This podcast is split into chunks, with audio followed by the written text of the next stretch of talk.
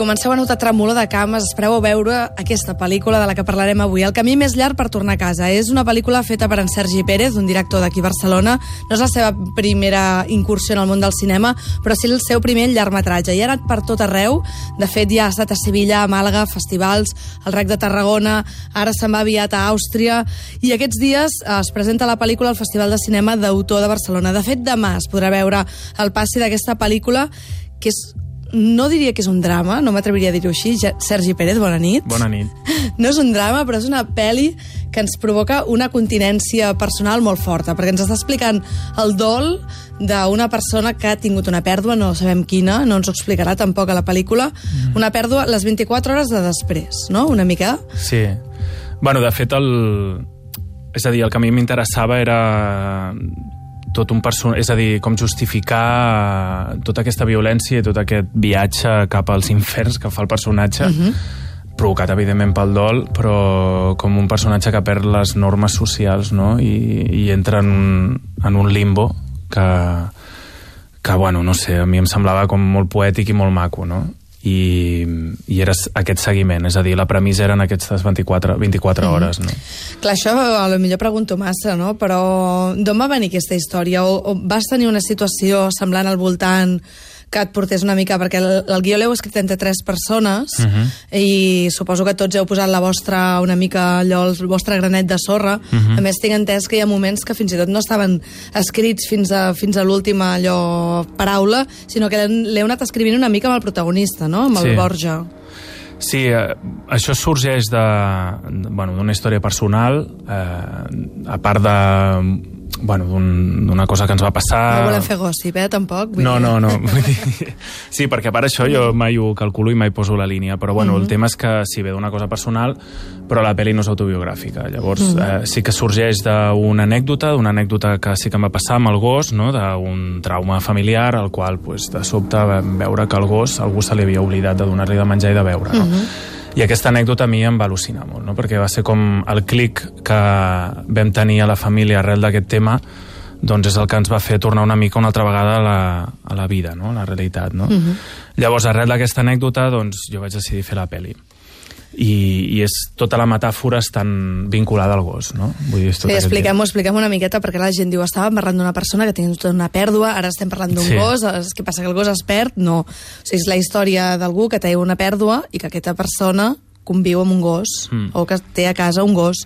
I el gos estarà allà amb ell, ja diguéssim, al punt cliffhand, eh? una mica que hi ha unes claus que es perden, aquella persona no pot tornar sí. a casa, i ha d'arrossegar aquest gos per allà on va, no? Una Exacte. mica té aquesta presència, que és una mica el sentit de l'obligació, el gos t'està dient torna al, al món dels vius, Exacte. torna una mica a casa, que és allà on hi ha horaris, hi ha hores, eh, hauràs de menjar en aquesta hora, hauràs de fer això, no? I ell està perdut, està perdut perquè no té prou força o, vaja, o està absolutament um, imbuït per la força que, que fa doncs, aquesta pèrdua, aquesta mort o, o que sigui, no? Sí.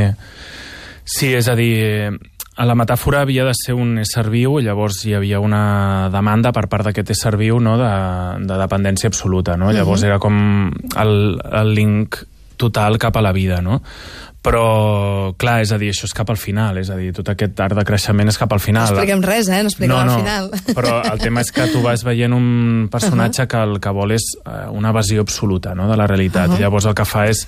Però això ens pot passar a tots, no?, una mica, és a dir, hi ha la gent que s'enfronta molt bé als problemes, és a dir, el que li passa, que succeeix, que pot plorar ràpid i tal, però sí. jo crec que hi hauria una gran quantitat de gent que davant d'una pèrdua d'aquest nivell, no?, també també es, es faria fora, no?, es quedaria una mica sí. out tingut, no? Sí, de fet era un espai al qual jo encara... Jo havia tingut personalment morts i, uh mhm. -huh. i situacions d'aquest tipus que crec que tot, és comú a tothom, però una situació terrible com, com la que viu el personatge, doncs, mm, per mi és un grau major, no? Llavors, el posa en un estat que, que les lleis socials desapareixen, no? I llavors, uh mhm. -huh. eh, a mi em semblava molt humà i era una mica doncs, donar-li aquesta notorietat amb la pel·lícula i, I també això, li... i això la primera pel·li, eh? Sí, ja.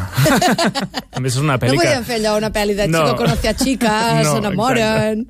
És una pel·li per fer amics. Sí, no, no, sí. no. Allò abans ho dèiem a micro tancat, que clar, veiem molts zooms, moltes, eh, moltes, molts primers plans, amb el Borja Espinosa, que no ho hem dit, un gran actor, mm. que l'hem vist en altres papers secundaris, la primera vegada que el veiem en un paper protagonista, sí. i déu nhi ens traiem el barret, molt fort aquest noi. Molt fort, Fa sí. molt bé. Molt, molt fort, molt fort. Molt fort, perquè realment és que te l'imagines passant per tot això que, que passa, oi? Sí.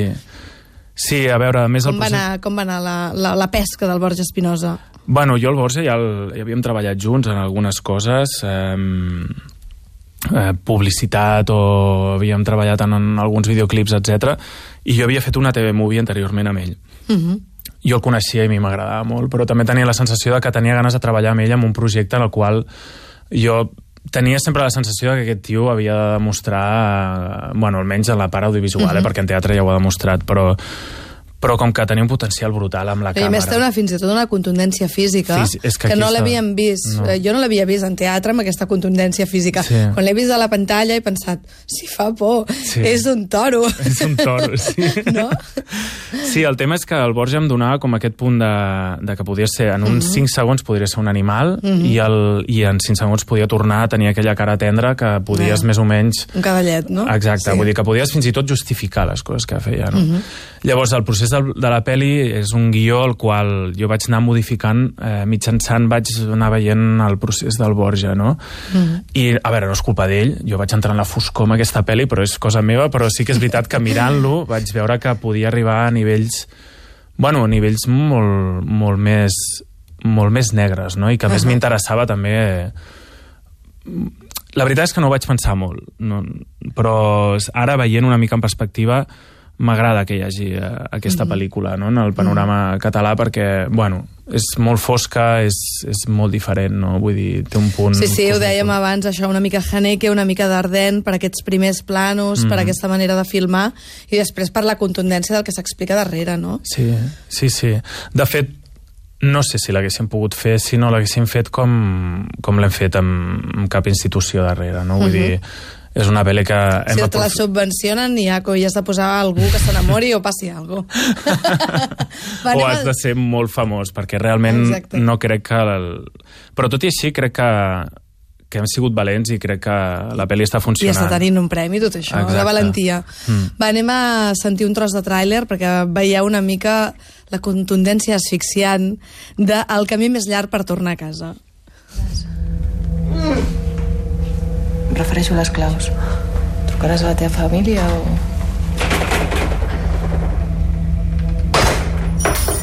¿Qué le ha pasado? ¿Qué le ha pasado? No come ni bebe. ¿Es tuyo este perro?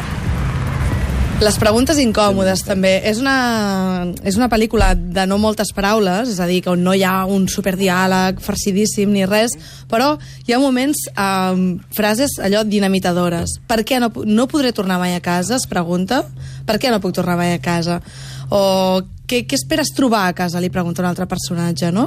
Totes aquestes coses, que és com Sí, ens les pregunta, li, li, estan, li estan preguntant al Borja Espinosa, vaja, el protagonista, o ens estan preguntant a tots nosaltres, no?, una miqueta. sí, bueno, és una mica la metàfora. És que, de fet, l'intent de buscar el refugi no? i la casa eh, de sobte i sense, insisteixo, sense buscar-ho tenia unes connotacions quasi homèriques, no? Vull dir, ens vam adonar que de sobte era un petit Ulisses que volia tornar a casa i que li donava una connotació molt universal, no?, aquesta pel·lícula, no? Llavors era com, com tota, tota aquesta gent que es pensa que el, re, el refugi està en la casa, però jo me recordo que vam anar al Festival de Sevilla i, uh -huh. i bueno, sóc molt col·lega de la Mar Coll i recordo que quan jo vaig tornar de, de Sevilla ella em diu... Jo li deia que havia tingut com una sensació com molt angoixant, no? Perquè, bueno, jo l'expectació i tot el Perquè, que... els, pu- perquè el públic sevillà que deia, tomo fuerte. Esto muy fuerte, sí. És a dir, les crítiques van ser molt bones, però... Però ho he dit amb un accent horrible. Eh? És a dir, que ara, perdoneu, sevillans, si m'esteu escoltant, no volíem fotre'm. Sí, és a dir, la resposta del públic era, era algunes vegades molt, molt positiva, la gran majoria, però algunes vegades era molt beligerant. I llavors jo era una cosa com que per, jo no tinc actitud provocativa i la peli no la volia fer així, però em vaig adonar Sí, que... tu no dius coses com el Bord Trier de No. ahora ya vuelvo a beber, ya puedo hacer películas. Exacto. Encara no. O soy... o creo que Hitler tenia raó. Vull dir, això no, no, no ho No. diria i no, i no és la meva actitud. Mhm. Però tornant amb l'avió, ella em va dir, bueno, clar, és que jo li deia, és que jo vull tornar a casa, i em diu, ja, noi, però la teva casa ja no serà la mateixa. Uh -huh. I em va fer com molta gràcia aquest comentari perquè és el que parla la, la peli, no? Vull dir... Que encara que ell torni a casa, no serà la mateixa. de fet ja no hi haurà aquella persona, no? No, I ja no hi serà... hauràs de construir una altra vegada la teva casa, la teva Ítaca o el que sigui, no? És a dir, i alguna forma era el final de la peli, no? Vull dir, és com un, un objectiu que és absurd i que ell, mentre l'està buscant com a objectiu extern de la peli, a poc a poc se n'està donant que és, que és absolutament absurd, que, que no serà mai més casa seva. De fet, hi ha una mini-història paral·lela on ell va a buscar les claus per una sèrie de cases, una sèrie de llocs, i va a casa d'un i li pregunta, i per què us canvieu de pis, no? I diu, perquè no és casa meva, és casa seva, És no? D'una sí. parella, no? Sí. Ah, Aquesta idea també de propietat, el que és nostre i el que és de l'altre, encara que ho compartim, no? I, i la projecció també, Mhm. no? Vull dir, és a dir mm, tot la peli no té cap tipus de... És a dir, té molt poc diàleg perquè ens feia... ho- I ho teníem, eh? Però ens feia... Volíeu depurar, no? També? No depurar, suposo? sinó que de sobte tro trobar una reflexió textual sobre, sobre el que és el dol, sobre el que és la pèrdua, sobre el que és la casa, era una reflexió com molt pensada, molt meditada, no? I el, Mhm. el problema de la pel·li és que tenia 24 hores. Aquest home no pot reflexionar encara sobre el que li està passant. Llavors el que vam decidir és que I perquè ell no expressa, No expressa. pràcticament no parla, no? No, Perquè és el fet, que ens, ens és- passa a tots, no?, quan tenim un Exacte. xoc. Bueno, de fet, era una de les coses que molta gent em preguntava per què és tan opac no, el personatge, però és que encara no, és impossible que pugui expressar ni pugui sentir, no? Vull dir, és que és una Tot i cosa... així el veiem a les primeres imatges plorant, no?, pràcticament. Vull dir, tampoc tan opac, tan opac no és. No, opac en el sentit que la gent espera el millor que faci alguna reflexió uh -huh. i, i ja et dic, és a dir, nosaltres el que vam fer és substituir el text per, per, per accions, per símbols, no? metàfores, coses uh -huh. d'aquest tipus, no? I, i, bueno, no sé, jo crec, jo estic molt content en aquest sentit. I aquesta part també ha uns actors per fantàstics secundaris, eh? vull dir, el Pol López, la Sara Espígol, el Miqui Esparvé, que li donen joc doncs, aquest, amb aquest Borja Espinosa, que va buscant les claus per tot arreu, Sí. l'home, però la veritat és que a mi hi ha una cosa que també em sobta molt, que no sé si està feta també expressament o què. Ell, evidentment, està en estat de xoc, el personatge principal, però els altres sembla que no acabin de... O sigui, que estiguin com en realitats paral·leles, com si no acabessin d'entendre que aquesta persona uh, està en estat de xoc. Mm. És a dir, que és com la incomprensió, aquesta barrera, no?, de... perquè els altres rep- representa que coneixen aquesta persona que ha marxat, no? Sí, I, I hi ha un món molt, molt clar entre el món del Borja i el món dels altres, dels no? altres, sí. De fet, eren l'amistat, la família i totes les convencions socials formaven part d'una muralla que, que ell no, hi, e- no estava a l'altra banda, no? Vull dir, i, i això estava molt marcat. És a dir, ells els hi demana, li demanaven al personatge que entrés dins d'aquest espai, no? però ell no podia. Llavors, molta gent es pensa que potser té Van problemes... trucar als pares, Exacte, o que té- digues alguna cosa, com és que no s'ha anat a l'enterrament, no? De fet, alguns interpreten que tenen problem, que ell té problemes en la família, però era molt més bàsic. És simplement que és un rebuig absolut de, de el tot dol, no? el també, Dol, sí, que exacte. és, és la part així, podríem dir que de, social, no? Hem de fer un Exacte. dol, no? Hem de fer un dol. I el faré quan pugui, no? I és molt, exacte, però vull dir, que, a veure, que és molt respectable, eh? Vull Mhm. dir, cadascú fa el dol com pot, però jo me n'he donat i, clar, la meva la pel·li és, des del meu punt de vista, que que hi ha a vegades una necessitat també de, de, de cridar d'una altra manera, no? I, I el que fa el personatge és, és evasió absoluta, no?